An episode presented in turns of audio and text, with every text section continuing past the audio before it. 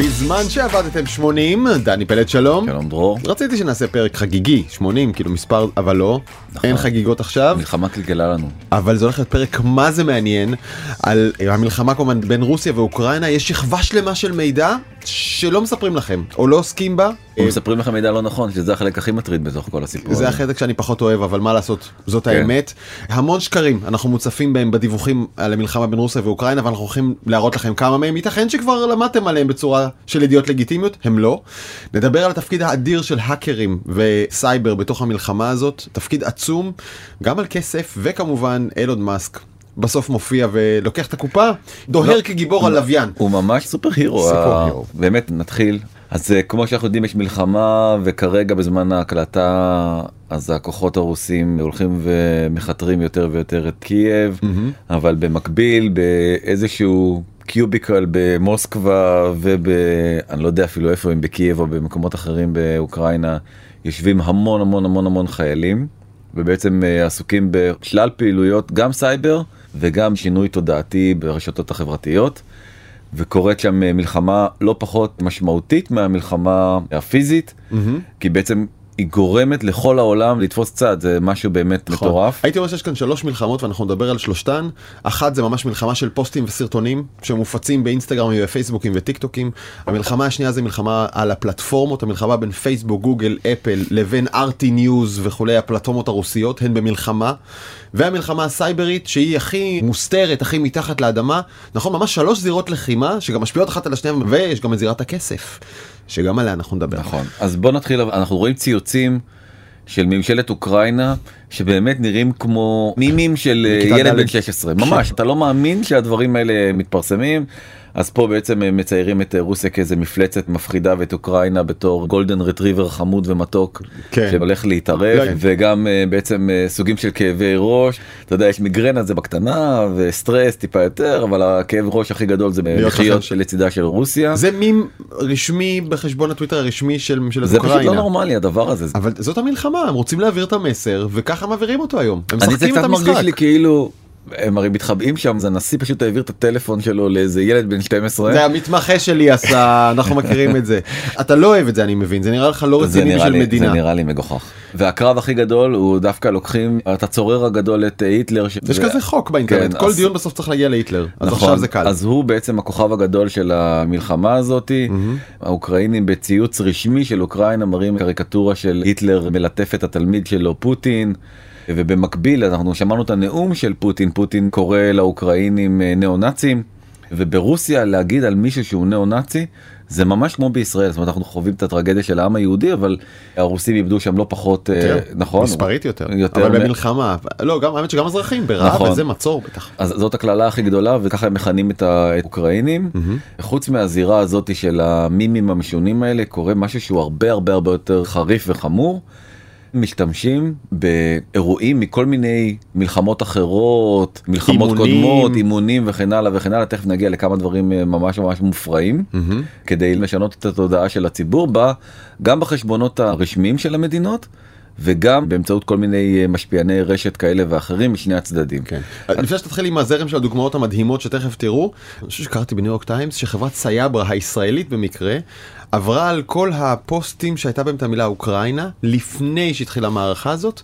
נחש איזה אחוז מהם מקורו בתעמולה רוסית שקרית. אין לי מושג. זרוק אחוז. מכל הדברים שכתבו להם אוקראינה, מה הוא תעמולה רוסית שקרית מוכח? 40 אחוז. 56. כן. רוב התכנים שהסתובבו באינטרנט שקשורים באוקראינה הם תעמולה רוסית. יפה, אז. גם את זה נוכיח, זה מבצע באמת, אה, עוד פעם, אה, אנחנו עכשיו נמצאים טרם אה, הגשת כתב אישום כתב אישום, כן. הליך מול ממשלת רוסיה בבית הדין הבינלאומי בהאג, שטוענים שכל הדבר הזה באמת התקיים קודם חד משמעית מהמחקר שאנחנו עשינו, אנחנו רואים שזה המצב. כלומר הכוונה הייתה מראש גם ברמה הלוחמתית הרוגים ואזרחים הכל תוכנן כך מראש. אז בטיק טוק העלו סרט של אה, האוקראינים בעצם אה, כובשים יעד אה, רוסי ובפייסבוק מראים הפצצות של בסיסים רוסיים וזה כמובן סרט בכלל לא ישן ורוסיה מראים איך בעצם הם תוקפים את קייב אבל הסרט הזה אתה יודע מאיפה הוא? מדמשק. וואו. הם לקחו סרט מדמשק והקרינו אותו איזה אימון צניחה של חיל האוויר הרוסי הפך להיות בלישה של אה, צנחנים לתוך יש, אוקראינה. יש וידאו מדהים, צנחן שתוך כדי שהוא באוויר הוא מצלם את עצמו עם האייפון בקריאות קרב ברוסית ומראה את החברים שלו צונחים. כן. זה הסתובב בישראל בכמה כלי תקשורת, אז זה אימון רוסי ישן. נכון ועוד uh, סרטים אחרים גם כן מכל מיני אימונים ישנים שלא קרו והדבר הכי מדהים שאני הולך להראות לך וזה אולי הקטע הוידאו היחיד שבעצם אה, הבאתי ממש במלואו אז אנחנו רואים שני מטוסי קרב, אחד רודף אחרי השני, מפציץ אותו, יורה, מפוצץ אותו וממשיך הלאה. קטע מקרב אוויר שצולם על ידי טלפון רועד כזה בשמיים, שני מטוסי קרב אחד אחרי השני, לא. סוחוי אה, ומיג, מטוסים שמקובלים בזירה הזאת. נכון ובעצם כל הדבר הזה הוא מתוך משחק מחשב לא יאמן. שנקרא DCS שהוא uh, סימולטור טיסה עכשיו זה הופץ כצילום אמיתי תשמע, משמי אוקראינה. נכון ויש לסרט הזה רגע. עשרות מיליוני צפיות. אתה יודע זה משנה את המורל כי כן. אם האוקראינים מצליחים להפיל מטוס רוסי. תחשוב איזה אימפקט זה מייצר אז אבל זה משחק מחשב. אז מה שאתה מראה זה בכלל מלחמת תודעה לא מצד רוסיה, מצד אוקראינה.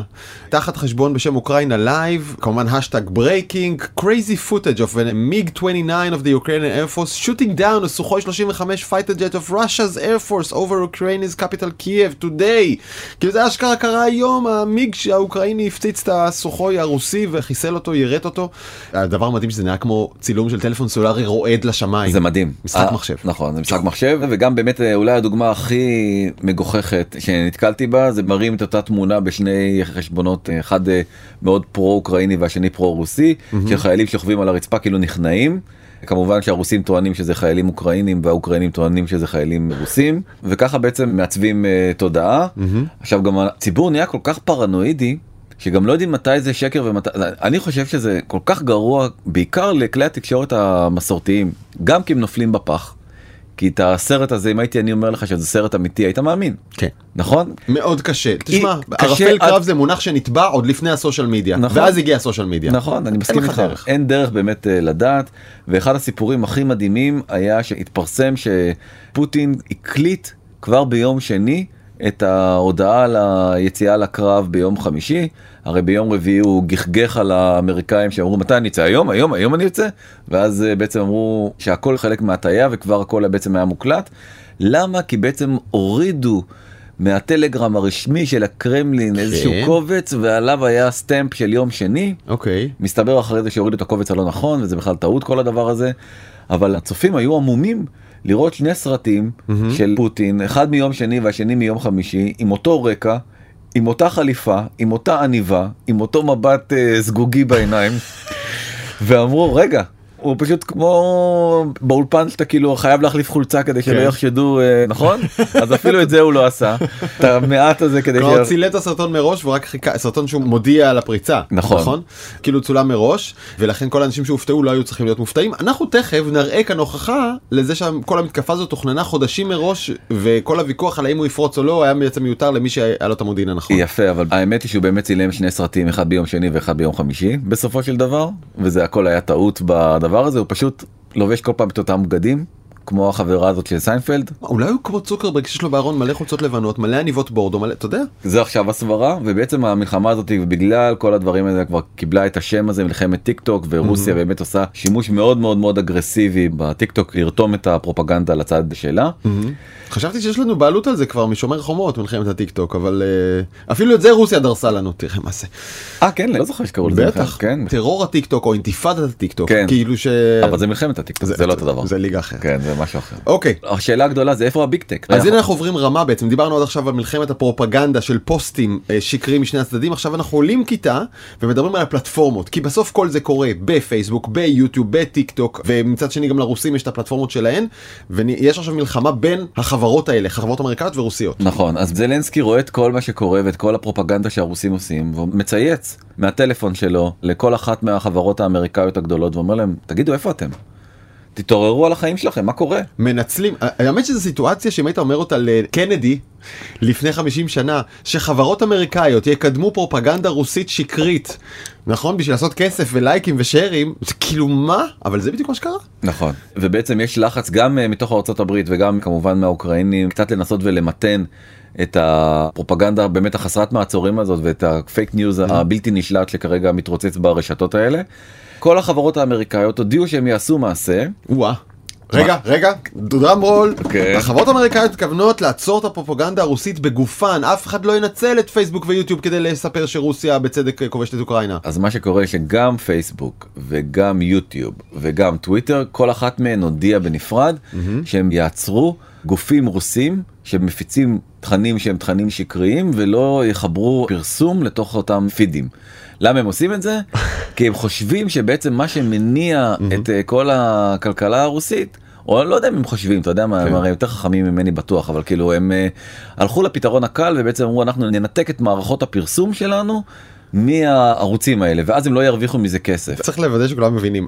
הם לא עוצרים את הפרופגנדה, הם עוצרים את הכסף שנלווה לפרופגנדה. כלומר, RT News וכל מיני Russian Affiliate uh, Media Outlets כאלה, כלי תקשורת שקשורים לממשל הרוסי, ממשיכים לפרסם את הפייק שלהם בפייסבוק וטוויטר וכולי, הם פשוט לא יכולים להרוויח מזה כסף, נכון. אי אפשר להצמיד לזה פרסומות. תגיד לי, מה אתם עושים צחוק?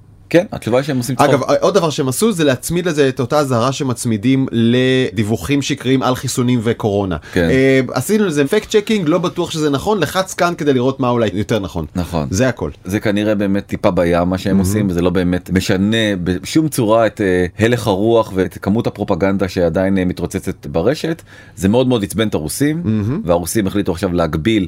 את אה, פייסבוק וטוויטר בעצמם בתוך הפלטפורמות האלה כי הם טוענים שבעצם ההתנהלות היא מאוד מאוד חד צדדית נגד רוסיה. כאילו בוקר טוב אתם פלשתם לאוקראינה אני לא כל כך מבין את ה... אבל תדע לך שכבר לפני כמה... ככה אז לא יהיה פייסבוק ברוסיה. כן. זה מה זה הדבר הזה? אני לא אגב רמזים אני כאילו- מתרימים למלחמה. בוועדת אגרנט שתיכתב על הדבר הזה יגלו שלפני כמה חודשים הרוסים העבירו חוק שמחייב את כל הפייסבוקים והאפלים והגוגלים לפתוח חברה ברוסיה. עד היום זה עובדי הקורפורט הבינלאומי. אתה יודע עובד רוסי של פייסבוק היה לא עובד פייסבוק רוסיה עובד פייסבוק. אילצו אותם לפי חוק לפתוח פייסבוק רוסיה כדי שהם יוכלו לאכוף את החוק כולל צנזורה על המדיה אאוטלטס האלה ועכשיו יש גם קנס אדיר אם אתה מפרסם משהו שמעצבן את הצבא הרוסי תיכנס ל-15 שנה לכלא חוק חדש שאם אתה עובד פייסבוק רוסיה או טוויטר רוסיה זה יחול עליך אישית תיכנס לכלא ועכשיו הרוסים מנסים ללחוץ את הפלטפורמות האלה לפתוח חברה מקומית כדי לאכוף עליהם חזק את החוק וזה אחד מזירות הקרב. אוקיי נמשיך הלאה בעצם אה, זירה חשובה מאוד שבעצם אה, נשלטת על ידי ה big tech זה זירת התשלומים נכון יש את גוגל פיי ואפל פיי דיברנו על כמה הם בעצם התחזקו. מה אי אפשר לקנות עכשיו קפה במוסקבה עם הטלפון? בסטארבקס אם תעשה ככה אם תניח זה את לא הזה עובד? זה לא יעבוד עם זה- ה Apple Watch. זה- עכשיו שברת אותי. אז אה, זה דבר אחד ועוד אה, הגבלה מאוד מאוד מאוד מעניינת גם ווייז וגם גוגל מפס יותר לא זמינים באוקראינה ומה הסיבה?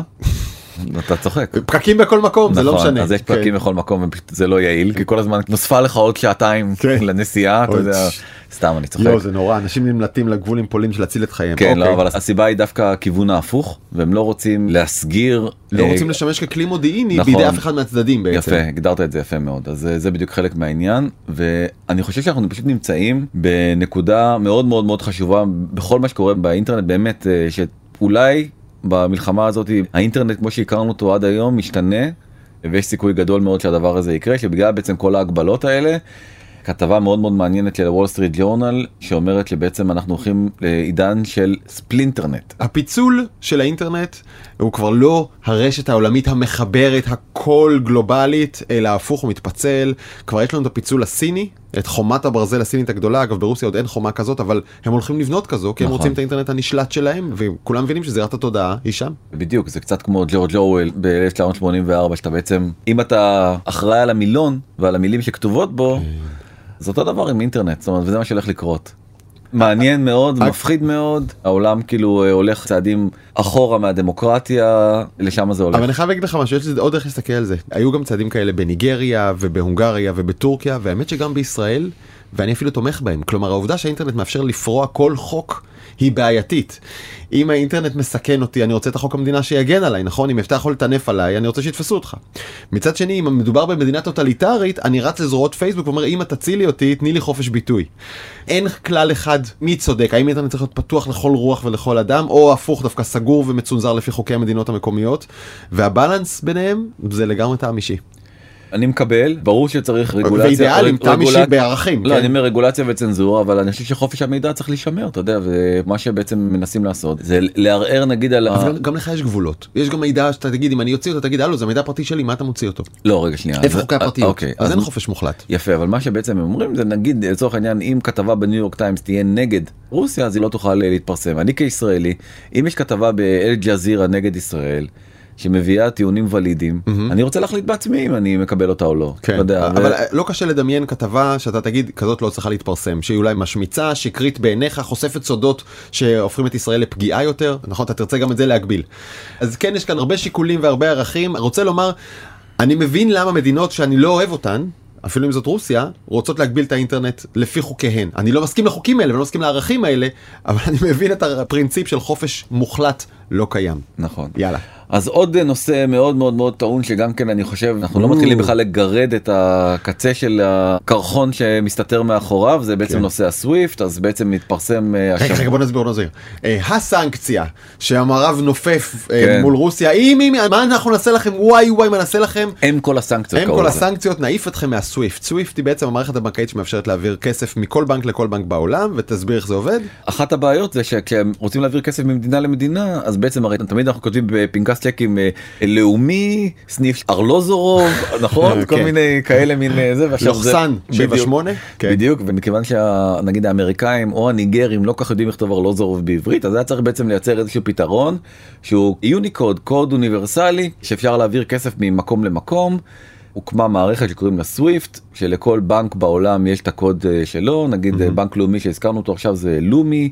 זה הארבע אותיות הראשונות ובכל שלו. העולם אתה יכול להעביר כסף ללאומי. נכון בכל מקום בעולם. בעצם המערכת המרכזית יושבת בבלגיה אבל גם הבנק הפדרלי האמריקאי וגם הבנק הפדרלי הבריטי וגם האיחוד האירופי בעצם הם הגופים העיקריים שתומכים במערכת הזאתי ולכאורה לכאורה אם ניתקת את רוסיה מסוויפט אי אפשר בכלל לסחור איתם. הם לא יקנו כלום כי אי אפשר להעביר כסף מהם. חתיכת סנקציה דני. אוקיי אז זהו שלא כי א' יש דרכים אחרות. דבר ראשון יש להם מערכת מקבילה לסוויפט שאף אחד לא מדבר עליה שקוראים לה מיר שהיא גם גלובלית? שהיא היא לא גלובלית אני לא יודע מ-200 מדינות מחוברות אבל הרבה מדינות אה, חשובות ועיקריות מחוברות מספיק שסין מחוברת בוא שנייה אשכרה. אתה מעביר לסין, נכון. שומע תעביר אליו. סין מחוברת בסדר כן. אז כבר עקפנו את הסנקציה בגדול זה פעם ראשונה אבל פעם שנייה ואתה יודע זה אני חושב שאנחנו גם כן נמצאים בעוד רגע מכונן כמו שאמרנו רגע מכונן לגבי האינטרנט אנחנו נמצאים ברגע מכונן לגבי משהו אחר והוא הביטקוין. הביטקוין לזה הוא נולד. הוא לקח בעצם את הפתרון הזה של הסוויפט בדיוק אותו דבר מייצר ארנקים עם איזשהו שרשרת של אותיות ומספרים מאוד מאוד מאוד אה, ארוכה וייחודית אבל לא נשלטת על ידי אף אדם כן. כולם הם חלק מהמערכת הזאת ולכן אף אה, גוף לא יכול להטיל סנקציה על ביטקוין. בדיוק, אם אתה לא יכול להעביר לו דולר או יורו, תעביר לו ביטקוין, זה אישי, זה גלובלי, זה יעבוד מכל מקום, נגמר הסיפור. עכשיו תסתכל. ב-24 לפברואר בשעה 5 התחילה כן. הלוחמה. יש לנו ויכוח על כן, הזאת. הביטקוין עמד על 35 אלף דולר כן. והוא זינק כמעט ל-40 אלף דולר מהמם. טיפה ירד מאז אבל חלק מהדבר הזה כי בעצם הרבה מאוד אנשים שמחזיקים בביטקוין וסוחרים מיומנים הבינו משהו שבמערכת הבנקאית לא מבינים כי הם לא חלק מהמערכת הזאת זה כאילו מערכת אלטרנטיבית כן. למערכת הבנקאית אבל אפשר להעביר בביטקוין כמה כסף שרוצים. עכשיו בוא נדבר עוד משפט אחד כאילו על הביטקוין. הביטקוין עדיין זה לא מערכת רשמית מוכרת ברוסיה. פוטין אמר באוקטובר 2021 שהוא כן מאוד מאמין הקריפטוגרפים אבל הם עדיין אה, רק אמצעי תשלום. ולא נתמכים בשום מערכת בנקאית. שבעצם אם אתה מסתכל עכשיו על הציטוט הזה, אתה אומר, הנה כאן כתוב, לא אכפת לי שתעיפו אותי מסוויפט, יש לי פתרון. אני בטוח בזה תקשיב אני יודע ואני גם בטוח שהם עמלו בלחבר את הביטקוין לכל המערכת הבנקאית הרוסית. מעניין. בטוח בזה. לא רק זה גם הרוסים. רגע, ואם יש דבר אחד שאנחנו יודעים על מהפכים כאלה, זה שהם אה, לא רוורסביליים, כלומר לא חוזרים אחורה אחר כך. נכון. אז תיגמר אני- המלחמה עוד שנה שנתיים שלוש יציינו את מלחמת רוסיה אולי את מלחמת רוסיה אוקראינה כרגע שבו ביטקוין הפך להילך חוקי בהרבה מאוד בנקים בעולם. אז אני לגמרי חושב שלשם זה הולך. אה, ובואו נציין יש הרי המטבע הגדול ביותר זה ביטקוין אבל המטבע השני בגודלו והוא מטבע הרבה הרבה יותר חשוב גם בהרבה מאוד אספקטים זה מטבע שנקרא איתריום. ומי עומד מאחורי איתריום? ויטאליק הרוסי? מטבע שהומצא על ידי בחור גאון רוסי אגב אה, צריך להתחפר קצת להבין איך איתריום עובד כדי להבין עד כמה זה גאוני זה באמת גם מאפשר חוזים חכמים לא ניכנס לזה עכשיו ויטאליק שאנחנו מראים אותו עכשיו והמציא את האיתריום נחשב באמת אולי להסלב מספר אחת של עולם הקריפטו. נכון. הוא ממש סלב כאילו אנשים שראו אחד. אותו ונגעו בו מספרים על זה. כן והדבר המאוד מאוד מפתיע וזה סתם פאנפקט מהצד הוא לא יושב ברוסיה. והוא צייץ ציוץ ברוסית ניתן לך ככה לעשות את זה בתרגום חופשי אה, אני מאוד כועס או מאוד מאוכזב מההחלטה של פוטין לנטוש את האפשרות של פתרון בדרכי שלום לסכסוך עם אוקראינה וללכת למלחמה במקום זה פשע נגד האוקראינים ונגד העם הרוסי. אני מאחל לכולם ביטחון although I know that ולמרות שאני מבין שלא יהיה כאן ביטחון תהילה לאוקראינה. ככה הוא מסיים את זה בחור רוסי מסיים בתהילה לאוקראינה glory to Ukraine אתה יודע כמה אה, כסף יש לו? הרבה מאוד מיליארדים לא משנה אבל גם מאוד אמיץ אתה יודע כן. ללכת נגד פוטין שאתה יודע שזה יסתיים בהרעלה בחנק בתביעה והוא אחרי זה גם אה, הוסיף עוד ציטוט מאוד מאוד מעניין דווקא באנגלית והוא אמר אני מזכיר לכם אה, איתריום הוא ניטרלי אבל אני לא. כן.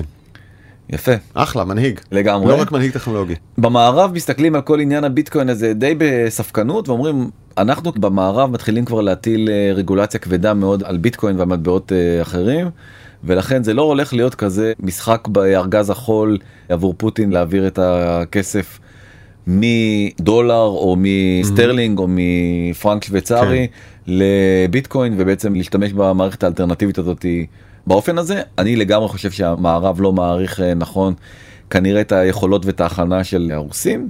אני אגיד לך שאני מכיר מחבריי שמצויים בעולם הזה. נגיד שהוא עובר רגולציה, נגיד שהביטקוין שקוף, מה שלא נכון, אבל נגיד שאתה רואה את כל מי שהעביר ביטקוין אחד לשני ואתה יכול לעצור את זה, לחסום, לעשות, לגבות מיסים, הכל.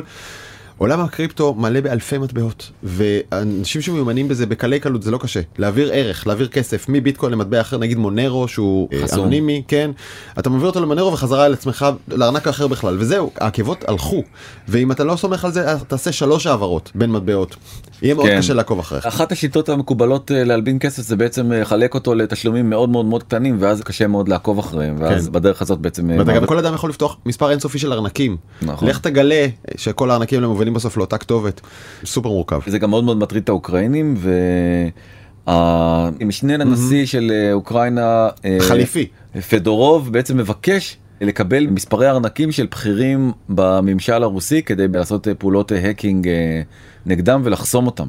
איזה רמה של שימוש בדאטה יש כאן. war crimes must be pursued, חייבים לרדוף אחרי מבצעי פשעי מלחמה, בשביל זה תנו לי את הכתובות ארנקים שלהם. קהילת הקריפטו האוקראינית תרדוף אחרי האנשים האלה, איפה תשימו לי את הארנקים שלהם? בטלגרם. מטורף, אה? וטלגרם זה רוסי בכלל. ואולי הכי מטורף. המהלך הבא של ממשלת אוקראינה וזה באמת רק מראה כמה הביטקוין הפך להיות משהו לגיטימי. בציוץ רשמי של ממשלת אוקראינה אומרים אנחנו עכשיו מקבלים תרומות בביטקוינים.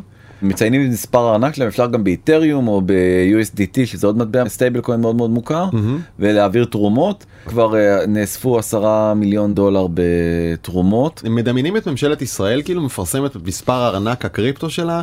אם אתה צריך לשלם קנסות, מיסים, זה בבקשה זה המספר הארנק, אתה יכול להעביר, הכל טוב. אני לא הייתי מאמין ששום דבר מהדברים האלה יקרו זה הכל קרה בשבוע האחרון וזה כן. פשוט אה, באמת.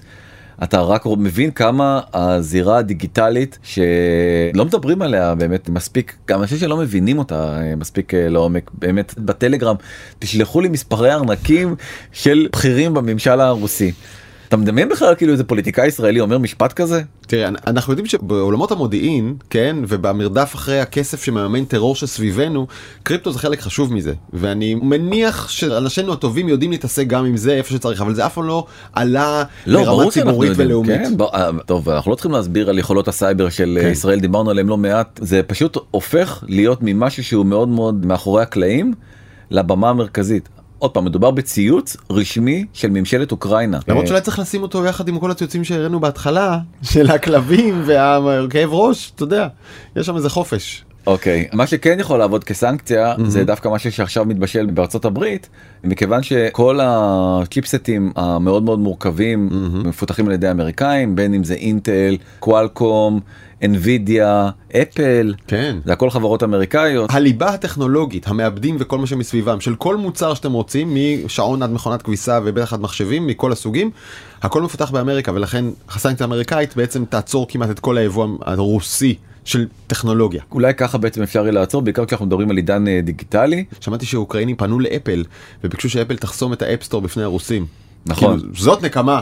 ככה נכניס להם. אתה זה לא תוריד את זה אפליקציית זה כושר. אותו פדרוב שפנה לטים קוק ואמר לו תחסום את ה App Store. תחסום את ה App Store. כן אז ביום רביעי שלפני המלחמה בעצם כל האתרים האוקראינים הותקפו במתקפת אה, DDoS מתקפת אה, DDoS זה מתקפה של denial of service כן שפונים כאילו הרבה מאוד יוזרים בעת ובעונה אחת לאתר האתר לא יכול להתמודד עם כל הקריאות ואז הוא בעצם קורס מתקפה מאוד מאוד מאוד פשוטה אבל מאוד מאוד ברוטלית ויעילה אבל המתקפה המפתיעה שהתגלתה, נכון ובעצם קוראים לה מתקפת וייפר אטק מתקפה מאוד מאוד מאוד מאוד מתוחכמת ובעצם התגלה שביום של פלישה. הפלישה כמה שעות לפני הפלישה. פתאום הרבה מאוד שרתים של מדינה של צבא של חברת חשמל של אוקראינה. של אוקראינה נמחקו.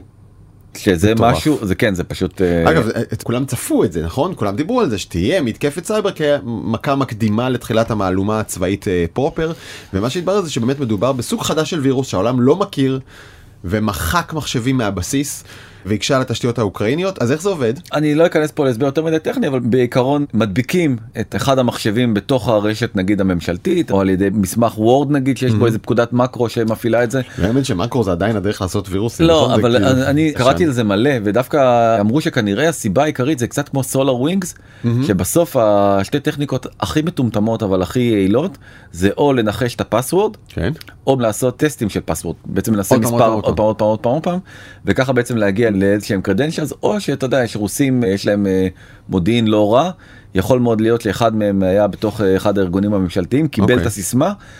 הווירוס הזה מגיע לאקטיב דירקטורי למערכת שבעצם מחוברת לכל המחשבים וככה מפיצה את עצמה לכל מחשבי הממשלה לכל החברת חשמל הלאומית לכל כלומר חדרת פעם אחת למחשב אחד, לרשת מחשבים אחת ומשם אתה כבר מפיץ את כולם. לכולם. ואתה ו- צריך להגיע לכל מחשב ספציפית?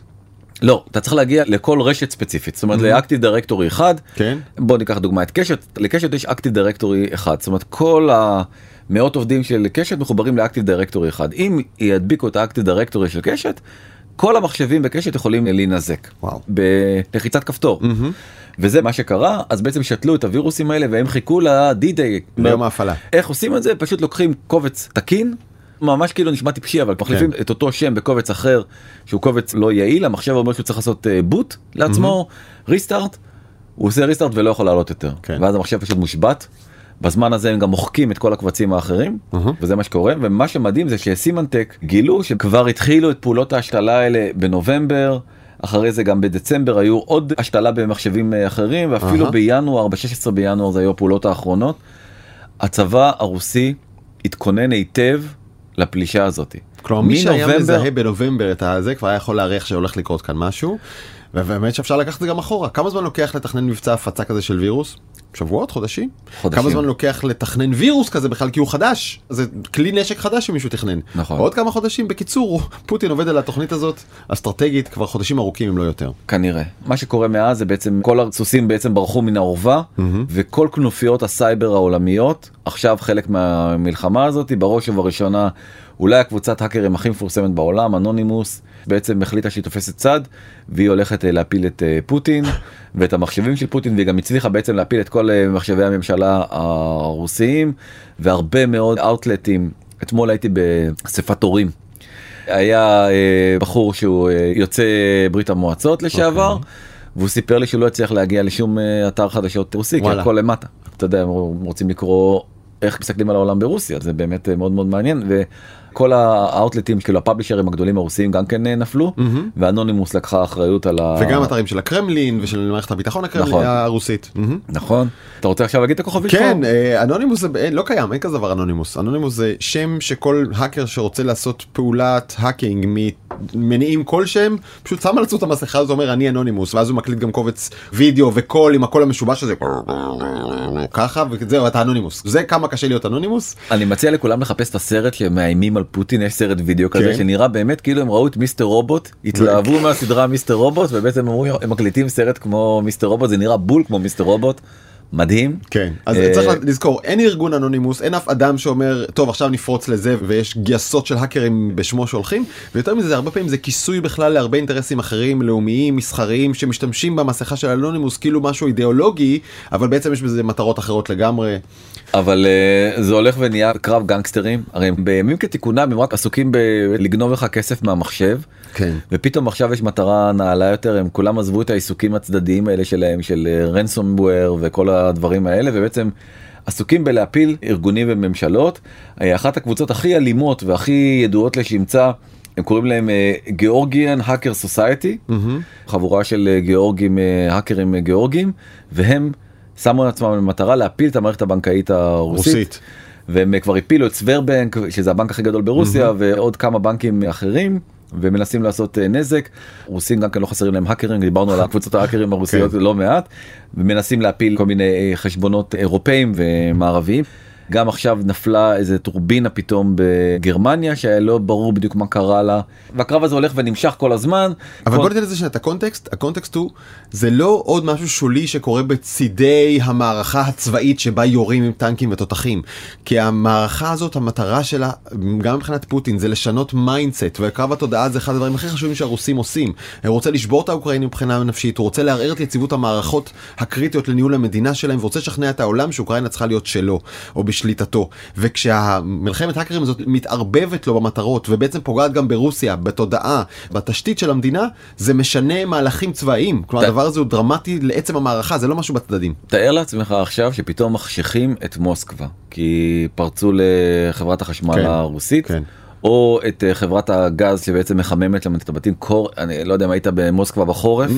היה היית? מלא פעמים. מה, מינוס מה? אני הייתי פעם אחת במינוס 19 והיה כתוב feels like מינוס 27 אתה פשוט לא מבין איזה קור זה זה כן. משהו לא עכשיו תאר לעצמך שאין אין הסקה. כן. כי פגעו במחשב של אה, חברת ההסקה איזה זה יכול אחרי המלחמה ובגלל זה אני אומר שההאקרים האלה שאנחנו כאילו שמים אותם בצד ולא מדברים עליהם הם הסיפור, הם במידה חלק, רבה הם הסיפור. כן, הם, אני לא יודע אם הם פחות סיפור מהטנקים או מהסוחורים שעפים להם מעל קייב, אבל הם חלק גדול מאוד מהסיפור. הם לא מקבלים אה, מספיק אה, תשומת לב, כן. ואם יצליחו המהלכים שלהם הם יכולים להיות מאוד מאוד קריטיים בהכרעת המלחמה או בסיום המערכה. זאת ו- אה, ככה תפיסתי. נכון. שתי דוגמאות, הפלת תשתית כלכלית רוסית יכולה בהחלט לייצר לחץ של עשירים רוסים ואוליגרכים על פוטין, אני חושב שכבר שומעים לזה הדים, והסיבוב של גרמניה. שגרמניה פתאום הסבה את ממש יוטרן לטובת אוקראינה מלנסות לשבת באמצע, גם הוא נשען במידה רבה על מלחמת התודעה הזאת. בזמן שעבדתם, חסות קצרה וממשיכים. יאללה בוא נמשיך. אז דיברנו בעצם אם יפילו את התשתיות אז uh, תהיה בעיה גדולה והתשתית הכי רגישה כמובן להאקרים היא כמובן תשתית האינטרנט. בלי זה אתה לא שווה כלום. נכון ואז זה הרגע שבו נכנס הסופר הירו the one and only אילון מאסק אל הזירה עוד ציוץ הזוי של ראש הממשלה החליפי כמו שקראת לו. ההפך מהזוי, מוצלח, האיש גאון. אז בוא תגיד. כותב מיכאילו פדרוב האוקראיני אילון מאסק בזמן שאתה מנסה ליישב את המאדים רוסיה מנסה לכבוש את אוקראינה. ובזמן שהטילים שלך עפים לחלל הטילים של רוסיה תוקפים את האזרחים האוקראינים. אנחנו מבקשים לך לספק לאוקראינה תחנות סטארלינק כדי שנוכל לבוא חשבון עם הרוסים. בקיצור כן. תן לנו אינטרנט. זה מה שמבקש אדון פדרוב מאילון מאסק. סטארלינק זה תשתית הלוויינים 1700 נדמה לי כן. נכון? מאות רבות של לוויינים שאילון מאסק שיגר לכל העולם ומספקים אינטרנט לווייני ועוברות כמה שעות.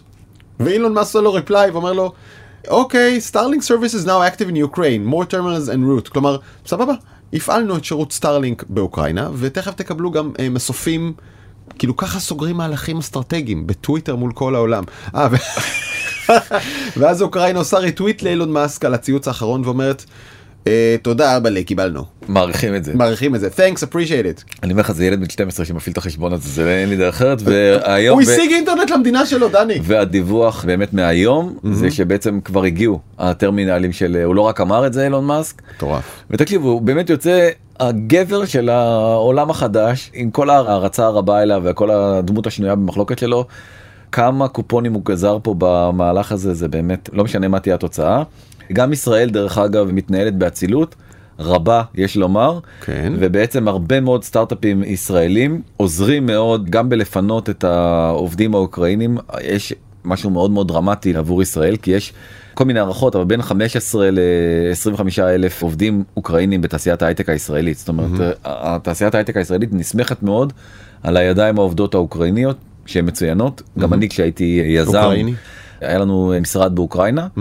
מתכנתים מדהימים גם חכמים גם נחמדים וגם והר... עולים שמינית ממתכנת ישראלי נכון אבל אני חייב להגיד לך עוד דבר שהוא די uh, מדהים זה כשהגעתי פעם ראשונה לקייב mm-hmm. פרויקט שהם uh, כתבו לו את הקוד היה פרויקט עבור uh, חברה רוסית mm-hmm. והשנאה של ה... די. זה היה מדהים עכשיו אני אתה יודע אתה חי בישראל זה עוד היה לפני uh, כל הפלישה לחצי האי קרים ולכל כן. הדבר הזה ואתה הם כל כך שונאים את הרוסים. זה הדהים אותנו אני חושב שאנחנו לא מגרדים בכלל את הקצה קצהו של הקרחון ביחסים המורכבים האלה בין אה, רוסיה, רוסיה ואוקראינה. כן. הציוץ המדהים של אה, אבישי אברהמי אה, שהוא מנכ"ל ומייסד וויקס. בעצם סיפר איך צוותים ממדינות שכנות מליטא ומפולין צוותים שלו שלו של נסעו לגבול כדי לעזור לחלץ את עובדי וויקס שיש להם אלף עובדים שם רק לוויקס אלף עובדים לחלץ אותם בגבולות mm-hmm. והוא מצא להם אה, פתרונות דיור גם בטורקיה וגם בפולין וגם בעוד כל מיני מדינות אחרות. כן. כל הכבוד באמת אין... אה, האמת שעוד יותר כל הכבוד כי אם אני מבין נכון רובם גברים. וגברים מאוקראינה לא יכולים לצאת עכשיו. מי שיוצא זה המשפחות זה הנשים והילדים של העובדים שלך. ולהם הם עוזרים. ראוי להערכה. בחרתי ציטוט של סמך יזהר ואתה מקריא כל כך יפה ניתן לך דני באמת אה, ציטוט נפלא. מלחמות אינן נופלות מן השמיים. מלחמות הן החלטות. מלחמות אינן כמו נד שיטפון הרים פתאומי ולא כמו רעש אדמה פתאומי שאי אפשר לשער מראש. מלחמות הן החלטות מחושבות של בני אדם. וכמה זה מתאים. לא לפרק הזה. חד משמעית. טוב, עד כאן הפרק שלנו על ענייני אוקראינה, ואנחנו רוצים לספר לכם שבפודקאסט המקביל שלנו, אם נקרא לו כך, ב Unholy, מתראיין השבוע, וזה יצא בשישי, בחור שאנחנו די אפאתיים כלפיו. ממש. הוא לא מעניין אותנו כל כך. יש לי פוסטר שלו מעל המיטה שלי על מה אתה מדבר? בחיי. זה הסמנטה פוקס שלנו. לגמרי. אה, סקוט גלווי התראיין אה, ליונית ולג'ונתן אה, פרופסור סקוט גלווי למי שלא מכיר פרופסור לשיווק מאוניברסיטת ניו יורק שהוא בעצם היום אולי נחשב להוגה דעות הכי משמעותי בכל מה שקשור לביג טק כן. ולרגולציה ולקשר ביניהם ולקפיטליזם החדש או נאו קפיטליזם או לא יודע תקרא לזה איך שאתה רוצה. והוא מבריק ודרך אגב שמעתי גם את הפרק האחרון שלו של mm-hmm. פרופסור ג'י כן אחרי המלצה של מנכ"ל קשת אני חייב להגיד. Uh-huh. וזה פרק masterpiece באמת בעיקר הסיומת שלו שהוא מדבר על התפקיד שלך כאבא. פתאום הוא פותח באיזה מונולוג אני לא רוצה לעשות ספוילר למי שלא מכיר על כמה חשוב כל הזמן לחזק את הילדים וכמה חשוב כל הזמן להגיד להם כמה הם נהדרים וכמה אתה אוהב אותם. מאוד מאוד יפה. האמת שאתה יודע הוא, הוא יהודי על הנייר כן? כלומר הוא בן לאמא יהודייה. ותמיד אני מקשיב ואני אומר אבל מתי שתגיד איזה מילה על ישראל? חוץ מההקשר של חיסונים וקורונה הוא לא מדבר על ישראל כמעט בכלל. נכון. ודיברתי עם יונית לפני שהיא ראיינה אותו ואמרתי שיגיד משהו על ישראל פעם. וואלה. אז הנה היא מספרת לי מה יש בפרק של unholy והיא אומרת ככה הוא מודאג לגבי עתידה של אמריקה אופטימי לגבי ישראל. ציטוט של גלווי, אמריקני מתעורר בבוקר והדבר הראשון שהוא חושב, האם אני רפובליקני או דמוקרט, שמאל או ימין, ישראלי, חושב קודם כל שהוא ישראלי.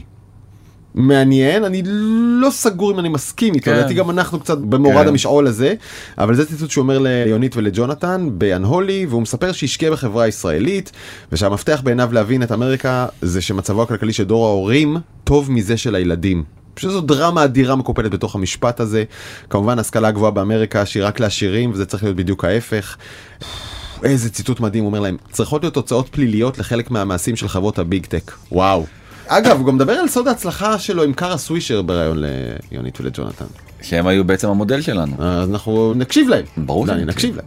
ואנחנו כמובן פתוחים לתוספות, להערות, לשאלות ולהצעות שלכם בבזמן את קשת מינוס טבעי דוט קום או ב-0376766012 אל תחייגו, תשלחו וואטסאפ. וכמובן זמינים לכם, תגיד איפה? בין 12 ומאקו, טק 12. בספוטיפיי, באפל, בכל הפלטפורמות. זה שאנחנו משודרים בקשת 12 אמרת? אה, לא. ותודה רבה לעורכת אפרת ורון, למפיקה לי פיין, למוטי אוננה ותומר וולף על הסיוע הטכני ולחברים בנקסטר, זוהר צלח, ניצן כרמלי ודנה גוטרזון. נחזור בשבוע הבא. דני פלד, תודה. תודה רבה דרור.